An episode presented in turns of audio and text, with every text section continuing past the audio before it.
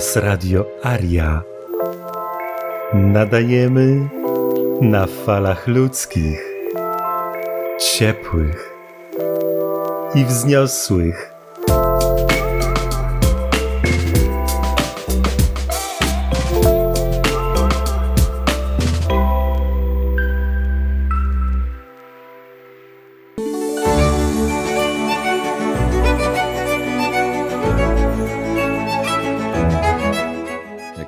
Razy mówiłem i piszę na swojej stronie, to jest moje hobby. Cieszy mnie, że komuś się podoba, że ktoś chce tego słuchać. Nie robię tego w żaden sposób dla pieniędzy, za pieniądze, na pieniądze. Ja może poszedłem trochę inną ścieżką niż wszyscy, którzy się zajmują profesjonalnie, bo robię to już prawie profesjonalnie.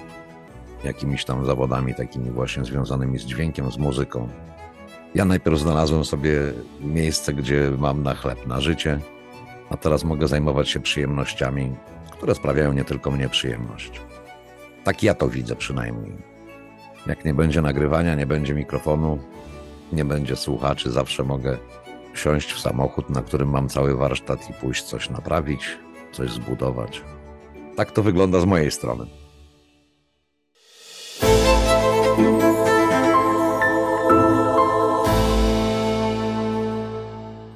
Cześć. Witajcie w Radio Aria. Mam wielką przyjemność przedstawić Wam człowieka, którego wyczekiwałem bardzo, bardzo długo. I cieszę się niezmiernie, Tomku, że jesteś dzisiaj tutaj z nami. Tomasz Zawadzki ma swój kanał na YouTubie. Gdy go odkryłem z podpowiedzi YouTube'a, to przeszły mi ciarki po plecach. Sami zobaczycie, wszystko będzie podlikowane. Jaka moc literatury kryje się w tych tytułach na jego playliście. To jest niesamowite. Witaj, Tomku. Opowiedz nam nie tylko, co cię skłoniło do tego, aby wykorzystać swój głos poprzez czytanie, ale dlaczego akurat taka literatura? Bo wiesz, wcześniej powiedzenie, że fakt jest autentyczny, było błędem językowym. W dzisiejszych czasach, kiedy wiemy, że media tworzą fakty, ale fakty medialne, to powiedzenie nabiera sensu. A literatura, którą czytasz, jest literaturą faktu. Zapraszam. Tak, witam Cię, Irku. Witam wszystkich słuchaczy Radia Aria. Cóż tu powiedzieć? Jak mnie przedstawiałeś, to aż się prawie zaczerwieniłem. Dobrze, dobrze, że noszę brodę. To tak nie widać. Cóż mogę powiedzieć? Literatura faktu. Może, może zacznijmy od tego, że chyba najlepszą literaturą faktu są pamiętniki. Bo czy ktoś ma taki system myślenia, czy tak ma poukładane w głowie, na prawo, na lewo, na środek, czy jest konserwatystą, czy, czy, czy odwrotnie, dobrze, odwrotnie niech będzie, nie nazwę dalej. W każdym bądź razie ci ludzie piszą to, co widzą, opisują to, co widzą. I ich spostrzeżenia to są ich spostrzeżenia, ale zawsze możemy wyłapać na przykład, że ktoś tam szedł przez wioskę, niech będzie Sergiusz Piasecki, który w Kochanku Wielkiej Niedźwiedzicy pisał takie rzeczy, i zwrócił uwagę na przykład, że na tej wiosce wszystkie szlachety są ustawione specjalnie na lewy skos. I to już jest fakt, którego nigdzie nie znajdziemy w żadnych książkach do historii, w żadnych wykładach profesorów, doktorów. Nie ma tego. A tu jest. Dlatego pamiętniki są chyba najlepsze, jeśli chodzi o literaturę faktu. Dlaczego taka literatura o takiej potężnej mocy? No ma moc, tak mi się wydaje. Ale to wszystko jest też po szczebelkach, pomalutku, powolutku. Pierwszą książką, którą nagrałem, to było samolubstwo. Chciałem po prostu posłuchać. Kochanka Wielkiej Niedźwiedzicy.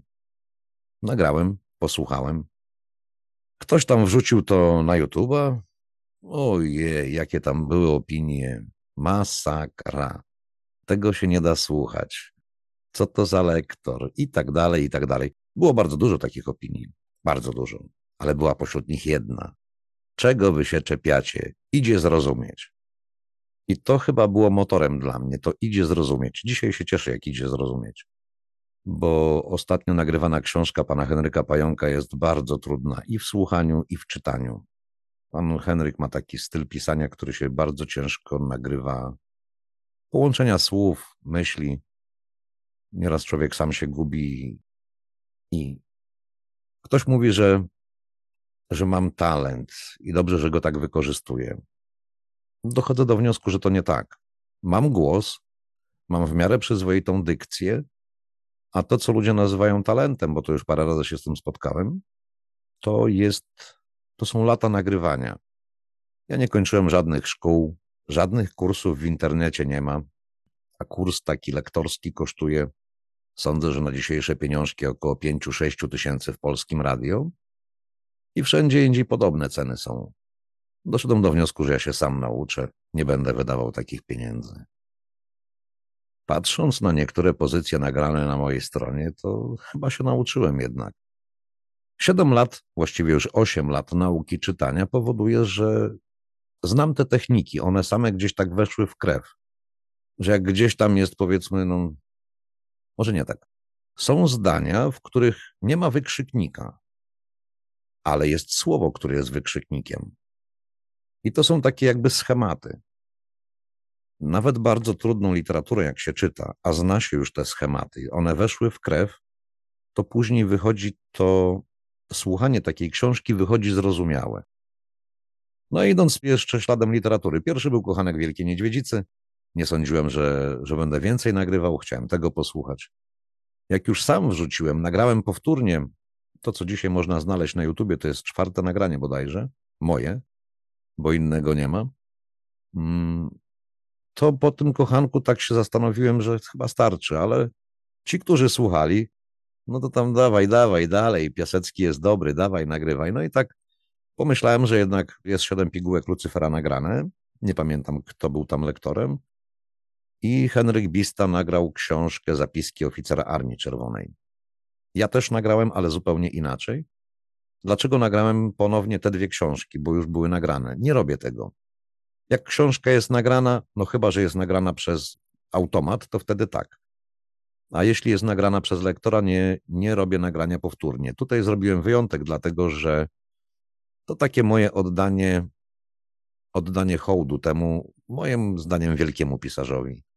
Człowiek wywodził się z nizin, człowiek, który nie znał języka polskiego, tylko jakieś zlepki polsko-białoruskie, ukraińskie, rosyjskie i żydowskie i posługiwał się takim językiem.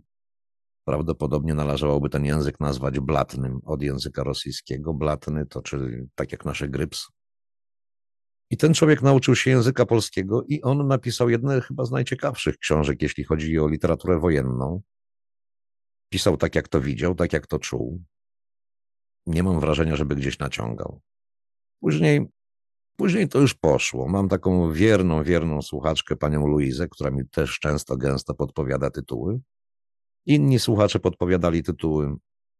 Mm, mam przyjemność znać, no niestety tylko przez internet, pana Piotra Chlebowicza, dziennikarza i takiego bardzo patriotycznego człowieka, który się podpisuje wszędzie, antykomunista Piotr Chlebowicz. Ja nie, nie robię dopisku antykomunista, ale gdzieś może z czasem jeszcze parę lat i zacznę też ten dopisek robić antykomunista Tomasz Zawadzki. Choć w duszy jestem konserwatystą, już chociażby to skłania mnie do tego, żeby być antykomunistą.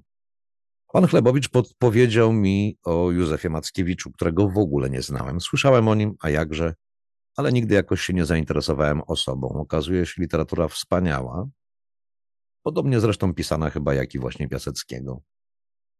Później tak się zastanawiałem, co dalej, co dalej i trafiły mi się w ręce książki pana Henryka Pająka właśnie tak trudnym językiem pisane, ale o ogromnym, o ogromnym potencjale i ogromnej wiedzy, no i ciężarze, ogromny ciężar, bym powiedział, te książki za sobą niosą. No właśnie, Henryk Pająk to jest coś, co w ogóle mnie najbardziej zaskoczyło. Nie spodziewałem się w ogóle, że ktoś to przeczyta kiedykolwiek. Pan Henryk chyba też się nie spodziewał. to może, może zacznę a, jeszcze jedną rzecz. Tak jak powiedziałem, ja poszedłem najpierw tą drogą, żeby najpierw zarabiać. Nie chciałem pracować w biurze, bo chciałem być robotnikiem, żeby w razie czego móc sobie używać słownika, który mi się podoba i nie siać zgorszenia wokół siebie. Więc tak, poszedłem od dupy strony. Zacząłem nagrywać, a nie skontaktowałem się z panem Henrykiem, czy zezwoli na to. No, różnymi perypetiami doszło do tego, że zostało mi napisane na maila, bo podałem adres, że korzystam z czyjejś wiedzy intelektualnej i to jest takie trochę nie fair. Należy się skontaktować, coś tam, coś tam. Nie będę przytaczał całości. Generalnie powiedzmy tak, ma kulpa, po całości. Jeden ze słuchaczy, mam chyba w ogóle samych ciekawych słuchaczy, bardzo, bardzo interesujących ludzi, z którym też dosyć często piszę i tak szczerze z nim rozmawiam. Za dwa dni, jak mu opisałem całą sytuację, za dwa dni do mnie pisze, że on dzwonił do pana Henryka. Już tam co mówił, co rozmawiał, nie będę opisywał, ale rozmowa była raczej taka niechętna. Mm, choć pan pająk się zgodził na to, żeby dalej nagrywać. No tak sobie pomyślałem, no cóż, człowiek mi mówi, że pan pająk się zgodził, więc wypadałoby, żebym ja może sam zadzwonił. Czaiłem się dwa tygodnie, aż się wyczaiłem. Mam nadzieję, że to nie będzie tragedia, jak choć trochę przytoczę tą rozmowę z panem pająkiem. Oj, I... myślę, że wielu to zaciekawi. Więc zadzwoniłem, zapytałem się, czy to jest wydawnictwo. Tak. Czy mógłbym prosić pana pająka do telefonu, czy tam rozmawiać z panem pająkiem? Słucham pana. Dzień dobry, panie Henryku, ja się nazywam Tomasz Zawadzki. Poznałem pana po głosie. Już to było dla mnie bardzo przyjemne. Cała rozmowa przebiegała bardzo, przeokrutnie sympatycznie. Byłem zachwycony po tej rozmowie. No i cóż tam jeszcze było powiedziane? Pan Henryk powiedział tak. Co do dalszego nagrywania. Panie Tomaszu, jest pan już dużym chłopcem. Wie pan, że przerywanie jest niezdrowe. No już to mnie ucieszyło. Później tam jeszcze troszkę rozmawialiśmy o różnych książkach, o tematyce związanej z tymi książkami. Pozwoliłem sobie też, o czym zaraz powiem, na pewne jakieś dyskusje z nim i zakończyło się to tym, że wyprosiłem to może nie to słowo, ale poprosiłem o spotkanie, jeśli to będzie możliwe, w maju, czy mógłbym podjechać. Otrzymałem aprobatę. Bardzo chętnie pojadę w maju do Lublina. Cóż tam jeszcze było? Pan Henryk tak między wierszami podpowiedział mi jeszcze jedną książkę jego, żeby nagrać. Potem powiedział, że jak pan zadzwoni w sprawie jakiejś książki, którą chciałby pan nagrywać, to się dogadamy. Więc sądzę, że ja nie będę dzwonił, a po prostu w maju podjadę, bo Hazarska Dzicz, którą w tej chwili nagrywam, jest bardzo długą książką. To są cztery potężne tomy. I w maju z panem Henrykiem umówię się na jeszcze jedną książkę. Tak po prostu sądzę, że to on chciał, żeby to zostało udźwiękowione. Coś to miałem ten wątek z panem Henrykiem. No, nieważne, może mało istotny. W każdym razie książka pana Henryka spowodowała to, że kanał rozrósł się bardzo szybko.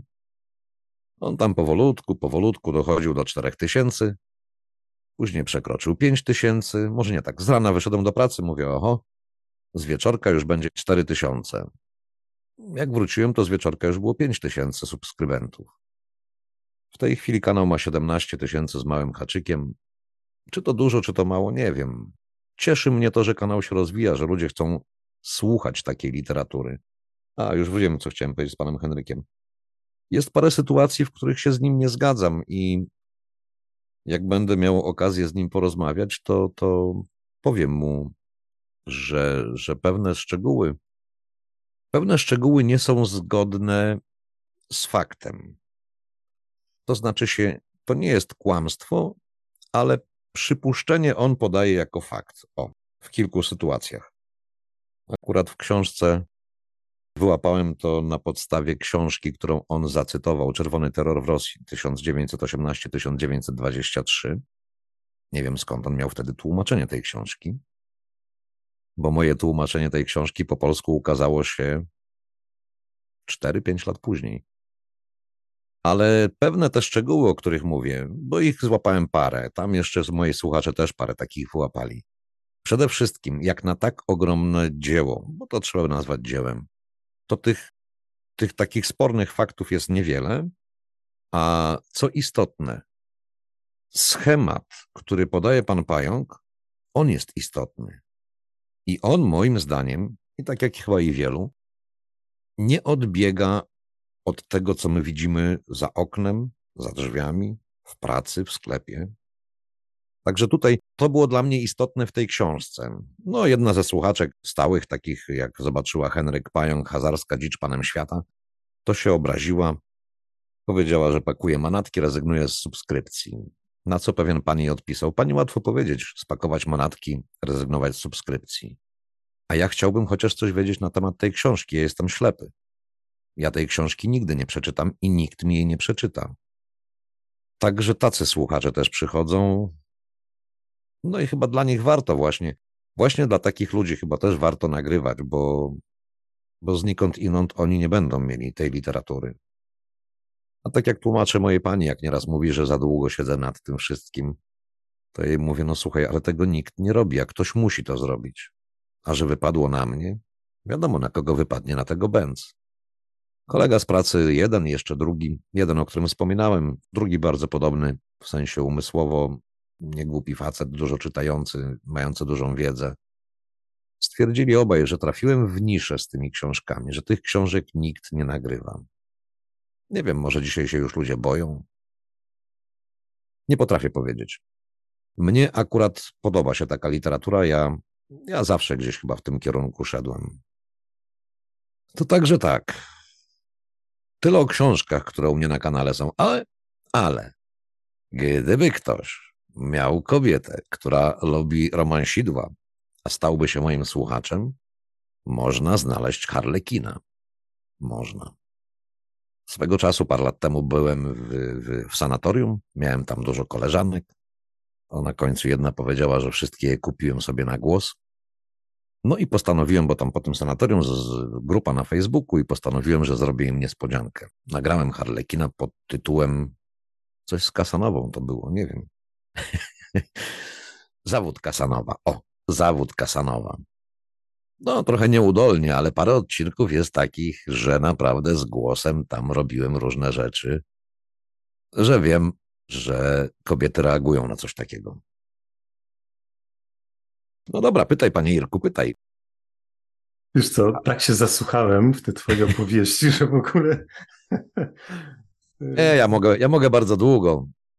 Mam cały zasób, mam cztery lata życia w Rosji, z tego mam bardzo dużo ciekawych wspomnień. Tak postanowiłem, dawno temu postanowiłem sobie, że napiszę książkę o tym, ale z książką to jest chyba tak samo jak z tą nauką czytania. Trzeba się nauczyć. Mój ulubiony autor, jeden z ulubionych autorów, Karol Olgierd Borchardt, jak nie wiedział, jak napisać książkę o swoim ulubionym, ukochanym kapitanie Mamercie Stankiewiczu, to postanowił najpierw na próbę coś napisać i napisał książkę pod tytułem Szaman Morski. Też o kapitanie polskiego statku, transatlantyka. Bodajże to był, to był Batory, Stefan Batory. Po wojnie to był Batory, a przed wojną nazywał się Stefan Batory. Jego kapitanem był Eustazy Borkowski. Szaman morski to był czarodziej. Nie będę opowiadał książki. Nie, nie. Jest, za, jest ogromnie ciekawa. Przygody szamana są po prostu niewiarygodne. Pytanie teraz, ile tam jest prawdy? Dlatego, że Borchardt, jak nie wiedział, jak pisać książki, szukał jakiegoś, mm, jakiejś podpowiedzi. W słowniku hiszpańsko-angielskim bodajże, na pewno hiszpańskim, było napisane, jak nie wiesz, jak pisać, to pisz ładnie. Czyli nieważne, co tam w tej książce jest, ma być napisane ładnie. A czy się zgadza, czy się nie zgadza, to już jest mniej istotne, ma być ładnie. To jest taka chyba dobra wytyczna dla tego, kto pierwszą książkę będzie pisał, ale wydaje mi się, że ta dobra wytyczna dla mnie też jest y, jeszcze za mało. Ja pomyślałem sobie, że moja książka o Rosji, jeśli już kiedyś usiądę i napiszę, to będzie mój pierwszy raz. A więc jak tam pierwszy raz dojechałem, jak pierwszy raz byłem zdziwiony cenami, bo coś, co u nas było wartości jednego papierosa, tam było mięsem z garmażu na stacji za kilogram. Kilogram mięsa kosztował tyle, co u nas jeden papieros karo, ewentualnie pudełko zapałek. Ja, Rosjanin, którego tam wcześniej poznałem i który mnie oprowadzał po sklepach, ja go nieraz po trzy, cztery razy pytałem, czy to na pewno tyle kosztuje. Także to były takie ceny. To był mój pierwszy raz, szok cenami. Mój pierwszy raz w knajpie. Czy był szok cenami? Nie. Może opowiem mój pierwszy raz w knajpie. Zastanawiałem się, jak zamówić. Otworzyłem menu i przypomniałem sobie od razu, jak Pawlak z Kargulem płynęli na Batorem do Stanów. No i zamówili to, co tamten pan, więc Jak popatrzyłem na menu po, w innym języku, rosyjskiego nie znałem, w ogóle nie znałem, znałem może z 10 słów, no to pomyślałem sobie, że trzeba zamówić po swojemu. Kelnerka się pyta mnie, czy już coś sobie wybrałem. Mówię tak. Mnogo, wkusno i z miasem. Dużo smaczniej z mięsem. To było najprostsze zamówienie. Jakiś rok później siedzę sobie przy stoliku. A, jeszcze wspomnę, że ta kelnerka mnie wtedy tylko oszwabiła na 10 rubli. Zapłaciłem 35, a nie 25. Później była moją dobrą znajomą. I co jeszcze w ruskich knajpach było? Tam nie sprzedawali wódki na 100 gram czy 200, tylko była butelka. Ja mówię do tej kelnerki, że całej butelki nie wypiję, więc ona chytro mówi, to wypijesz sobie 100 gram, w karawce będzie stała i będzie czekała, jak przyjdziesz następnym razem. I tak też moja wódka zawsze stała w jej szafce. Mimo, że później znałem całą zmianę tą kelnerską, to zawsze wódka tylko u niej stała. Jeśli pamiętam, to miała na imię Lena. Innym razem, rok później, miałem sprawę z inną kelnerką, taką starszą już kobietą, a tak jak mówię, znałem całą zmianę w tej knajpie. Zmianę, tam były dwie zmiany, pracowały co drugi dzień. Siadłem sobie przy małym stoliczku, niedaleko mnie stał stół na 12 osób, cały zajęty. I tak słucham, a to jest polska młodzież, która po maturze przyjechała sobie na wycieczkę jeszcze do Leningradu. No i opowiadają, używając y, słów ogólnie ten, uważanych za obraźliwe, że jedzenie jest chy, że coś tam jest do dy, że hotelu to burdel i tak dalej, i tak dalej, i tak dalej. Ale w międzyczasie ktoś tam się pochwalił, że na przykład kupił sobie wyposażenie ciemni fotograficznej. Całe wyposażenie ciemni, no jak ja usłyszałem cenę, okazuje się, to była wartość paczki papierosów Karo w Polsce. On za takie pieniądze kupił coś, co u nas by kosztowało ojojoj, 100-300 razy więcej. No w każdym bądź razie podeszła do mnie kelnerka, widziała, że jestem zainteresowany młodzieżą. Pyta się, co, ziomkowie? Ja mówię, tak. I co tam mówią? Na razie nic. Później ci powiem. No pyta się mnie, co będziesz jadł. Już miałem menu w ręku, czytałem, mówię, wiesz co, ja nie wiem, co ja chcę jeść. Powiedz szefowej kuchni, że przyszedł Tomek i jest głodny. Z szefową kuchni bardzo się lubiłem, bardzo dobrze mnie znała, ja ją też. No i za niedługo kelnerka przynosi potężny półmisek. Tam nie wiem, ze trzy kilo jedzenia może było, może trzy przesadzam, ale tak ze dwa kilo jedzenia było na tym półmisku. A wtedy jadałem ogromne ilości, jak smok. No i ta młodzież przy stole w pewnym momencie jeden się odwraca. Używać słowa, które on użył, czy nie? Irek? no dobra, użyję, użyję. Ten jeden raz użyję. Może dwa razy to słowo użyję. Jeden się odwraca, tamci dyskutują i ten widzę takie oczy wielkie mu się robią. A u mnie stoi ten półmisek z jedzeniem i do tego jeszcze dwie setki wódki postawione. Odwraca się do swojego towarzystwa i mówi, słuchajcie, popatrzcie, ale ten to może wpierdolić. Mówi to na głos, nie krępuje się, no bo kto będzie rozumiał, co on mówi, tak? Ja przed momentem z kelnerką rozmawiałem czysto po rosyjsku, bo bardzo szybko się nauczyłem języka. No i to towarzystwo, jakich było 12, to wszyscy w ten mój talerz. Nie zdążyli nic skomentować, bo ja podniosłem głowę i mówię, może wpierdolić i wpierdala, bo wie jak zamówić i nie zamawia takiego gówna, jak wy tutaj opowiadacie. Zdziwienie. No bo zdziwienie, tam Polaków w ogóle. Później też było mało, wtedy było bardzo mało, a później, jak tam mieszkałem, to też było bardzo mało, rzadko się język polski trafiał. Ale jak pan zamawia, że pan ma takie smaczne? Ja mówię, ludzie, najprostsza rzecz, dużo, smacznie i z mięsem. Kelner już ci przyniesie dobre jedzenie. Także takie było moje pierwsze spotkanie z knajpą. Tam jeszcze było, tak sobie pomyślałem właśnie, jakieś tam pierwsze spotkanie z, z, z, z kobietami, z muzeami, z wycieczkami, bo takie też tam były. No i takie pierwsze wędrówki w Białe Noce na przykład. Wszystko, co było pierwszy raz w tym, w tym Leningradzie, Petersburgu, to chciałem właśnie w tej książce może ująć. To będzie chyba najlepszy pomysł na książkę. A było tych pierwszych razy różnych dziwnych. Pierwszy raz w życiu miałem przystawiony pistolet do klatki piersiowej na targowisku, tuż obok mojego domu. Pierwszy raz uroda kobiety mnie tak zszokowała, że nie mogłem z siebie słowa wydusić. Kolega, który powiedzmy zapoznawał mnie z nią, bo to nie było tak, że. Może tak, ona czekała po prostu na mnie w moim domu, w mieszkaniu właściwie, w moim mieszkaniu. Mówię moim mieszkaniu, bo to dostałem klucze od tego mieszkania właśnie od kolegi wspomnianego Andrzej. Dzwonił do mnie przez telefon, mówi: Słuchaj, Anka Czernowa, tam dam telefon, ona do ciebie zadzwoni, tam się spotkacie, to tamto. Mówi: Ładna dziewczyna jest, bierz się za nią. Jest sama i ten. No tak sobie pomyślałem, ładna dziewczyna. Ten mi jeszcze podpowiedział, że przecież masz blisko targowisko, kup tam coś tam, żeby było wszystko. No były i słodycze, było i dobre wino, i szampan. Dla nas to wszystko było bardzo tanie, więc ja kupiłem tego bardzo dużo. I próbuję wejść do domu, a ten dom mi się nie otwiera. A za chwilę otwierają się drzwi. A w tych drzwiach stoi kobieta tak piękna, czarnula, wysoka, szczupła, elegancko ubrana.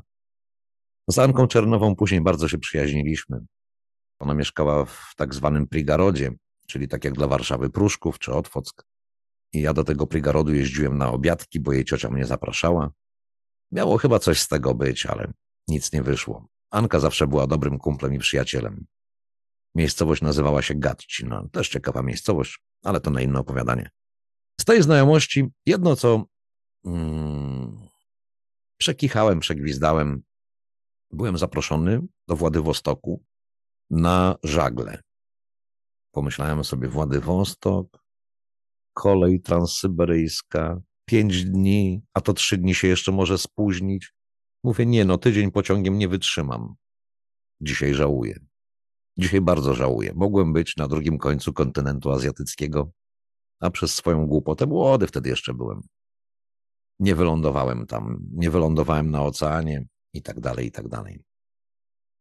To tak co do Rosji. No, na pewno wpłynęła na mnie ta Rosja. Wpłynęła na pewno dlatego, że dobrze znałem język, czytałem po rosyjsku, czytałem książki historyczne. Dzięki znajomości języka właśnie po muzeach mogłem sobie pochodzić bez jakichś tam specjalnych tłumaczy i przewodników. Udało mi się kiedyś tam moją mamę raz ściągnąć, żeby zobaczyła te wszystkie piękności, które można tam obejrzeć.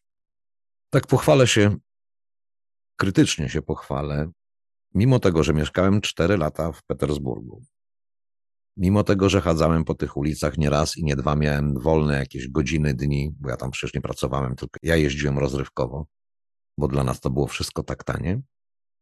Nigdy nie byłem w pałacu zimowym, czyli w Ermitażu. Z Ermitażem to podobnie jak z tym Władywostokiem.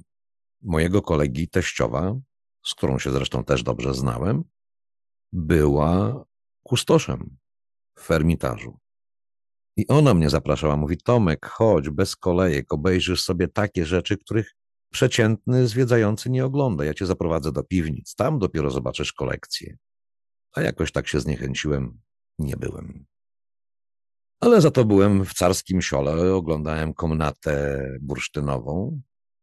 Na zdjęciach robi wrażenie. Tak, w rzeczywistości. Pomieszczenie jest ciemne, takie wrażenie, że ciemne. Mało oświetlone, prawdopodobnie, żeby nie naświetlać tych bursztynów. Jedno jedyne miejsce, gdzie się spotkałem w Rosji, że nie wolno używać aparatu, kamery i tym podobnych rzeczy do zapisu. Wszędzie indziej można, warunek tylko nie wolno używać lampy błyskowej. Wspaniałe muzeum, które zwiedziłem w 18 roku, będąc teraz parę lat temu, to Muzeum Faberże. Jeśli mogę tu polecić swój film, to polecam wam. Piszcie sobie Muzeum Faberże, Petersburg moimi oczami. Wyskoczy wam najlepszy, najcudowniejszy plik w języku polskim o Muzeum Faberże. Oczywiście z moim podkładem głosowym. I to nie, to nie jest jakaś tam nieskromność. Naprawdę tak jest. Są krótkie filmiki, są takie, takie bardzo pobieżne. Muzeum Faberże to ten film bodajże ma 30, może 40 minut. Ja łaziłem po tym muzeum 4 godziny 40 minut, także i nie mogłem wyjść. Gdyby nie Rosjanka, moja dawna, moja dawna narzeczona, nie zrobiło mi się już jej żal, że siedzi kobieta 4 godziny, to jeszcze bym tam z godzinę połaził. Ochroniarze tego muzeum, bo tam ich jest sporo, po jakimś czasie, chyba jak trzecie kółko robiłem, muzeum nie jest wielkie, więc jak trzecie kółko robiłem, to oni już prawie traktowali mnie jak eksponat. Przy czwartym to nawet nie zauważali, że się pojawiłem. To już byłem eksponatem dla nich. Muzeum fantastyczne. Też można by o nim długo opowiadać, ale chodzi o to, że to są takie rzeczy, które mają wpływ na mnie. Będąc właśnie akurat tego wyjazdu, co byłem w Muzeum Faberże, zacząłem wrzucać na Facebooka zdjęcia z Petersburga. Moi koledzy mieli taką pracę, że musieli siedzieć i pilnować, żeby nikt tam nie dochodził do pewnego miejsca. Jak ja wrzuciłem ze trzy zdjęcia, to któryś tam z nich się odezwał, że może bym filmik zrobił i pokazał im trochę tego Petersburga, bo było widać, że ja w samochód robię zdjęcia. Więc zrobiłem im filmik, ale już o mostach Petersburga. Napisałem im, że za chwilę włączę ten y, kamerę przekaz, no i pokazałem im wszystkie mosty na Newie. No może nie wszystkie, ale prawie wszystkie. Od wyspy Wasyla, Wasylostrowski Ostrow, czyli to jest od Pałacu Zimowego most pałacowy, aż w górę rzeki wszystkie te najważniejsze mosty, stare mosty. Opowiedziałem im historię tych mostów. Mieli taką wycieczkę wirtualną, uważam, że bardzo ciekawą. Dlatego, że trzy z tych mostów, czyli pierwszy zwodzony stalowy most, najpiękniejszy most troicki i most pałacowy zbudowali polscy inżynierowie. Kto o tym wie? Nikt, albo prawie nikt. Wielkie nazwisko jednego właśnie z nich to Pszenicki, a drugie nazwisko, chyba znane każdemu Polakowi, kto ma parę lat, więcej niż 30, inżynier Kierbeć. Inżynier Kierbeć zbudował pierwszy zwodzony stalowy most w Petersburgu. Inżynier Pszenicki zbudował najpiękniejszy most w Petersburgu, właśnie Troicki, i inżynier Pszenicki zbudował most, który jest najczęściej fotografowany. To jest most pałacowy. Jako ciekawostkę wam powiem. Pierwszy przetarg na budowę mostu wygrała firma Eiffla ale tuż po tym, jak wygrali, zaczęli wprowadzać jakieś innowacje do umowy i miasto z nich zrezygnowało. Pszenicki jako drugi wygrał. Ja jestem dumny. Więc historia przede wszystkim na mnie tak wpływa.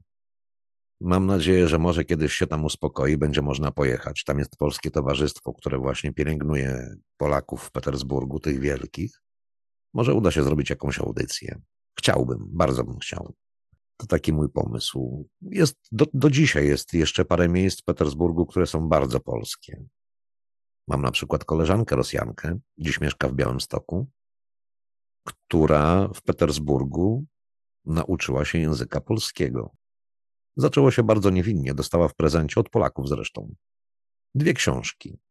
Jedna książka to był wielki słownik polsko-rosyjski, rosyjsko-polski, a druga była Quo Vadis. Wyobrażacie sobie? Jak można, znaczy przynajmniej ja z mojego punktu patrzę, jak można z takich dwóch książek nauczyć się języka? Mało tego. Ona się nauczyła języka, ona zaczęła odwiedzać polski konsulat, który znajduje się przy ulicy Piątej Sowieckiej. Tam zaczęła organizować jakieś dzieci, tańce ludowe, nieludowe, szycie strojów, w tym jest bardzo zdolna, piękne stroje szyje. Ona tym polskim dzieciakom, bo tam dużo, dużo Polaków jednak jest, są też ludzie, którzy pracują, przyjeżdżają do pracy do Rosji tam siedzą rok, dwa, trzy, pięć, później wracają z powrotem do kraju. I ona dla tych dzieciaków zorganizowała stroje, nauczyła je tańczyć polskich ludowych tańcy i ona z nimi przyjeżdżała do Polski na konkursy. Rosjanka, nie? Dziwnie brzmi, ja wiem, ale ja też znam właśnie takich Rosjan. Nie tylko takich jak Władimir Władimirowicz, popularnie zwany Wową. Ale wiesz, to tylko Rosja, to tak trochę krótko z tym wszystkim, bo no miała wpływ na pewno. Dużo rzeczy miało wpływ. Na pewno też ogromny swój wpływ miał Bernard Ładysz, którego nieraz papugowałem. Starałem się przynajmniej papugować. Miejscami potrafię zejść głosem tak nisko jak on, ale na pewno nie aż tak. Może tak, co do właśnie książek. Skąd, skąd w ogóle się wzięło nagranie książki? Raz, że chciałem posłuchać, a dwa, że jak już zrobiłem to nagranie, to bawiłem się w piracką stację radiową. I tam można było posłuchać właśnie książki, książek, bo tam chyba było więcej, nie pamiętam. Na pewno był Kochanek Wielkiej Niedźwiedzicy. I ludzie przychodzili specjalnie na kochanka, nie tyle na audycję, co na kochanka. Radio było dziwne, radio było, w sumie można powiedzieć o wszystkim. Było kilku świetnych prezenterów, uważam, którzy dodaliby się do każdego jednego radia. Nikt nigdy tam nie sapał, nie stękał do mikrofonu. To jest bardzo istotna rzecz. Ja tego wybitnie nie lubię. Dzisiaj, jak się słucha polskiego radia, polskich stacji, wszystkich, bez różnicy, od prawa do lewa, nie ma ludzi, którzy by się nie jąkali, nie smokali, nie harczeli do mikrofonu. Ja tutaj nie wiem, czy było słychać, paliłem w międzyczasie papierosa. Ale to wszystko. Ta piracka stacja też miała ogromny wpływ na to, że tym się zająłem. Powiem wam, początki dla mnie to była potwornie ogromna adrenalina. Potwornie. Nie wyobrażałem sobie, że można dwie godziny prowadzić audycję. To była moja pierwsza audycja. Po dwóch godzinach nie pamiętać nic, co tam było, a być spoconym tak, jakby się przerzuciło wagon węgla. Tak wyglądała moja pierwsza audycja. No później tam już było lepiej, w sensie, że już nie byłem spocony, pamiętałem, co było na audycjach, ale cały czas była adrenalina, a po jakimś czasie ta adrenalina zaczęła wygasać. Nie wiem czemu, nie zastanawiałem się nad tym. A co zauważyłem przy nagrywaniu książek? Adrenalina, mimo tego, że już powiedzmy 8 lat nagrywam, ona jest cały czas. Cały czas. No teraz jest ona trochę inna niż była na początku, ale to jest cały czas pilnowanie siebie.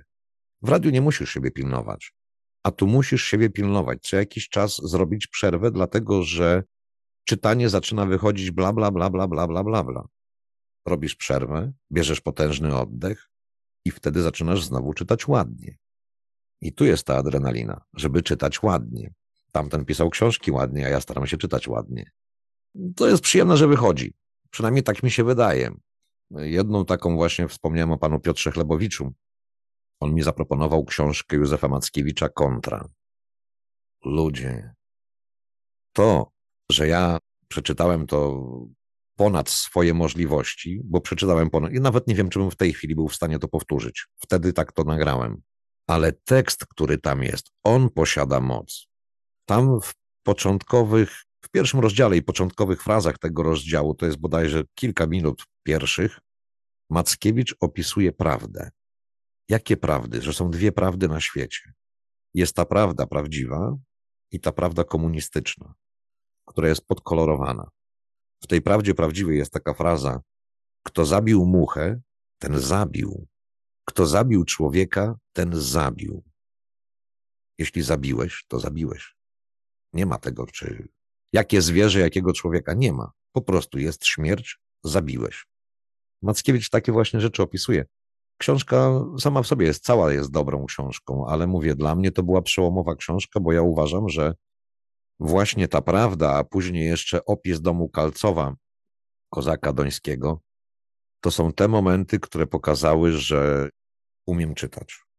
Jak gdzieś nieraz zaczyna być tak, że odbiegam od tej jakości nagrania, robię przerwę, wszystko to, co było nagrane, bez żadnego zastanowienia się wyrzucam, wracam sobie do tej książki, włączam ją sobie na parę minut i wracam później do nagrania. Wtedy musi być dobrze bo przypominam sobie, że ja umiem to zrobić. Nie ma, że tam jestem zmęczony czy coś. Jesteś zmęczony, nie siadaj do mikrofonu. Źle się czujesz, nie siadaj do mikrofonu. Siadasz, rób to najlepiej jak można. To będzie chyba najlepsze podsumowanie. Dziękuję, Tomku. Ja ze swojej strony mogę tylko powiedzieć, że nie dane mi było nigdy spróbować tyle rzeczy przed mikrofonem, co ty, więc nie mam takich doświadczeń. Ale co do adrenaliny, co do potu i tego wszystkiego, potwierdzam. Tego przynajmniej doświadczyłem. Czy wiesz, no człowiek w ogóle chyba funkcjonuje dzięki adrenalinie. Raz ona jest większa, raz ona jest mniejsza. W momencie, jak zostałem kierowcą w pogotowiu gazowym i było włączanie sygnałów i niebieskich światełek, to może tak, zacznijmy. Jeździłem z człowiekiem, któremu, jak wszyscy jego znajomi twierdzili, szachista mógłby pozazdrościć spokoju. Ja jeździłem z takim człowiekiem. Ja miałem zawsze spokojną pracę z nim, dzięki temu wspaniałą, bo to w ogóle wspaniały człowiek. I ta spokojna praca, a w pewnym momencie dostajemy zgłoszenie, gdzieś tam czują gaz, albo zerwany gazociąg, albo coś w tym stylu, że trzeba włączyć sygnały i pojechać na sygnałach. I w tym momencie włącza się adrenalina. Sygnały włączysz i adrenalina sama się włączy. Przebyć Warszawę, tak jak ja to nieraz robiłem, podobno nasi moi koledzy, co po niektórzy mówili, że o mnie chodzą słuchy. No i może, może, jeszcze, może jeszcze na chwilę cię zatrzymam. Był taki moment, który ten człowiek jest moim przyjacielem. Jak już później rozmawialiśmy, później, później, jak on się przyjął do pracy, zdarzyło mu się, że posadzono go ze mną i gdzieś tam był przejazd na sygnałach. On miał być kierowcą, ale ja mówię, wiesz co, jest na sygnałach, daj, ja siądę, będziemy trochę szybciej. On nie wiedział, o co chodzi. Ja nie pamiętam tego przejazdu z nim. On pamięta. On pracował wtedy 10 dni. Jak dojechaliśmy na miejsce, to później powtórzył, co sobie pomyślał. Mówi, ja pierdziu, jak tu wszyscy tak jeżdżą na sygnałach, to ja się zwalniam. A tu chodziło nie o przejazd na sygnałach, czy tam postraszenie ludzi, nie, moja adrenalina. No było parę takich przejazdów. Moi koledzy w sumie cieszyli się nieraz, jak jeździli ze mną na sygnałach. Ostatni taki, można powiedzieć, nieprzyjemny, ale na całe szczęście na pustej drodze. Jechałem furgonem Oplem Mowano na takich zakrętach, sporo takich zakrętów na krótkim odcinku. Nie zwalniałem na tych zakrętach, nie, nie. I na ostatnim łuku, dosyć ciasnym łuku, nagle się okazało, że jestem na sąsiednim pasie. Nie wiem, jak to się stało, nie wiem, jak myśmy się z tego uratowali. Prędkość była duża, było pusto, także gdyby nie było pusto, to bym tego nie robił. Ale od tamtej pory już chyba zbastowałem. No nawet może, może nawet nie to, że zbastowałem, po prostu inaczej jeżdżę, a na co dzień jeżdżę? Heh, nikt nie uwierzy. Jeżdżę zgodnie z przepisami. Kolega, który jest moim kierowcą, jak przekracza prędkość, Mirek, zbastuj, wiem, wiem, będziesz się moczył dzisiaj w nocy że przekroczyłem prędkość. Mówimy tu o przekroczeniu 50 na 55, ale u mnie nie ma. Także na co dzień jeżdżę bardzo spokojnie. Ludzie nieraz mi tam wygrażają pięściami, nieraz pokazują jakieś takie dziwne gesty ręcami, żeby nie krzyczeć w samochodzie, ale ja jeżdżę zgodnie z przepisami. Nie wiem dlaczego. Może dlatego właśnie, że miałem okazję się wyszaleć. Dzisiaj wiem, ile to kosztuje. Może nawet nie kosztuje. Użyłem słowa kosztuje, dlatego że blisko mojej pracy na przejściu dla pieszych chłopak jadący karetką pogotowia. Jemu się gdzieś śpieszyło, włączył sobie sygnały. Za samochodu wyszła mu dziewczyna, która zginęła na miejscu. Dlatego mówię, wiem ile to kosztuje. Dobra, to będzie wszystko. O tej adrenalinie. To my też przygotujemy się na podróż. Myślałem na samym początku, że rozpoczniemy od hazarskiej dziczy, prezentację Twojego głosu, tego, w jaki sposób przeczytałeś tą książkę i w ogóle, że ją przeczytałeś. Ale powtarzam tu jeszcze raz, jak wejdziecie sobie na kanał YouTube'a Tomka i zobaczycie tą listę tytułów, to po prostu można w ciemno zamknąć oczy, zostawić palca w obojętnie jakim momencie i każda z tych premier byłaby wspaniała, fascynująca ale mimo to upieram się wciąż przy hazarskiej dziczy. Wcześniej powiedziałeś, że ze względu na te kontakty z autorem, może to się troszeczkę przesunąć. Jak to wygląda na dzisiaj? Czy uważasz, że moglibyśmy rozpocząć prezentację od hazarskiej dziczy? Czy jest to możliwe? Irek, jak najbardziej, tylko radzę robić to szybko, bo YouTube już mi skasował jeden plik i myślę, że to na tym się nie skończy. Obawiam się tylko, żeby kanału nie zamknęli. Dlatego, dlatego jest Spotify już uruchomione. Tam można w formie podcastów można słuchać hazarskiej dziczy. I, i, i, I drugie to na Telegramie. Też wrzucam na swój Telegram, gdzie każdy jeden plik ma taki jakby przedrostek kierowcowo napisany.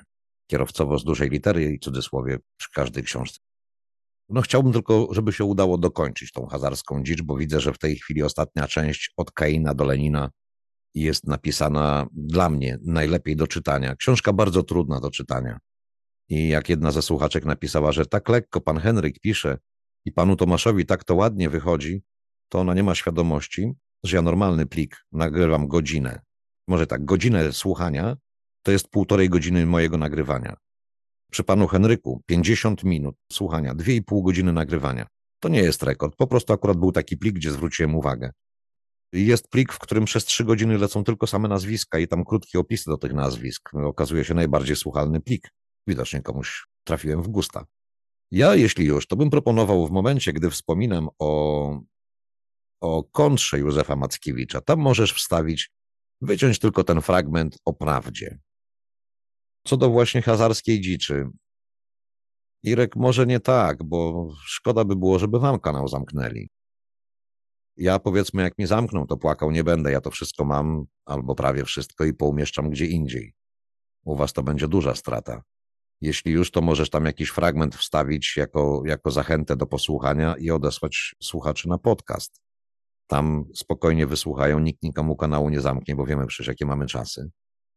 A propos, oglądałem straszny film sprzed trzech lat bodajże, sprzed czterech, z chińskiego miasteczka, które jest po prostu więzieniem. Każde przejście, każde drzwi mają czytnik kodu i skaner twarzy.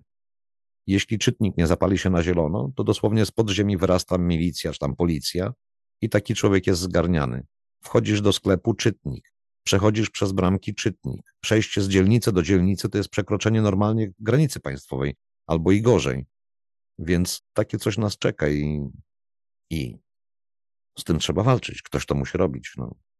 Ktoś musi uświadamiać ludzi. Wydaje mi się, że akurat te książki Henryka Pająka, które ja nagrywam, a pan Henryk, daj Boże, napisał, bo nikt takich książek nie pisał, spowodują, że może znajdzie się ktoś, ja tak twierdzę i jak mnie się pytają, dlaczego to robię, ja sam tego nie zrobię, tego jestem prawie pewny, ale może znajdzie się ktoś, kto będzie miał taki kijek albo kawałek pręta, który włoży w szprychy i maszyna się zatrzyma. Mam nadzieję, że ktoś taki się znajdzie. Powiem Ci ciekawostkę z niedzieli, z wczoraj. Zadzwonił do mnie kolega z pracy, któremu dałem do korekty, bo będę teraz drugą książkę wydawał. Swierdło okultystyczne korzenie rewolucji październikowej. To, co można posłuchać. No to on tam czytając tą książkę to raz, a dwa, że on właśnie słucha też hazarskiej dziczy, to zapytał się mnie, mówi, wiesz, ja tak z Jarkiem rozmawiałem, czyli z tym moim kolegą drugim, czy ty się nie obawiasz o swoje życie? Dziwne, nie? Nie, nie, właśnie nie jest dziwne. Zupełnie nie. Zobacz, co się dzieje to jest wszędzie podobnie. Ten państwowy korporacjonizm, no nie oszukujmy się w ich oczach, to jesteś tylko niewolnikiem. I tak, i tak wszystkich próbują nas traktować i ten kij szprychy jest naturalną reakcją każdego trzeźwo myślącego człowieka. No wiesz, ale mówię, no ja, to, ja to robię właśnie tylko dlatego, że może ktoś się znajdzie, kto będzie miał możliwość włożenia tego kijka. Ja nie mam takiej możliwości. Chociaż z drugiej strony, patrząc, że jest 17 tysięcy subskrybentów na stałe, patrząc na to, że hazarskiej dziczy pierwszego pliku włączyło jakieś 130-150 tysięcy ludzi, żeby posłuchać, no to już ta publika robi się dużo większa i może, może znajdzie się wśród tych ludzi ktoś, kto włoży ten kijek. Nie? Tak, dokładnie. Oczywiście wszystkie te miejsca, o których opowiadałeś, w których można już odsłuchać te różne rzeczy Twoje, które nagrałeś, podlinkujemy, zostawimy to wszystko w opisie i niewykluczone, że to nie będzie ostatnia taka rozmowa i te historie, które nam opowiedziałeś, a mówiłeś, że jest ich dużo więcej, wtedy zostawimy temat nagrań a skupimy się bardziej na tych Twoich fascynujących przygodach, bo myślę, że one są równie interesujące, co tematyka niektórych książek, które czytasz. Pozwolę sobie wtrącić słowo. No, że to na takiej zasadzie, że po prostu temat wschodni jest dla mnie dosyć bliski. I jeśli ktoś by miał ochotę wysłać pytania, będę na nie odpowiadał, opowiadał właśnie jakieś tam historie, ten pierwszy raz tu czy tam w Rosji. Bardzo mi było miło zwrócić się do Państwa, opowiedzieć o swoim kanale, o swoich pasjach. Książki zawsze były moją pasją, od kiedy pamiętam. I zapraszam na mój kanał, zapraszam do słuchania audiobooków, które nagrywam, które na pewno kolega będzie tu Wam udostępniał. Dziękuję wszystkim bardzo, bardzo. Dziękuję Tobie, Irku, że mnie zaprosiłeś. Do widzenia Państwu. Dziękuję, Tomku. Dziękuję pięknie wszystkim. Do usłyszenia.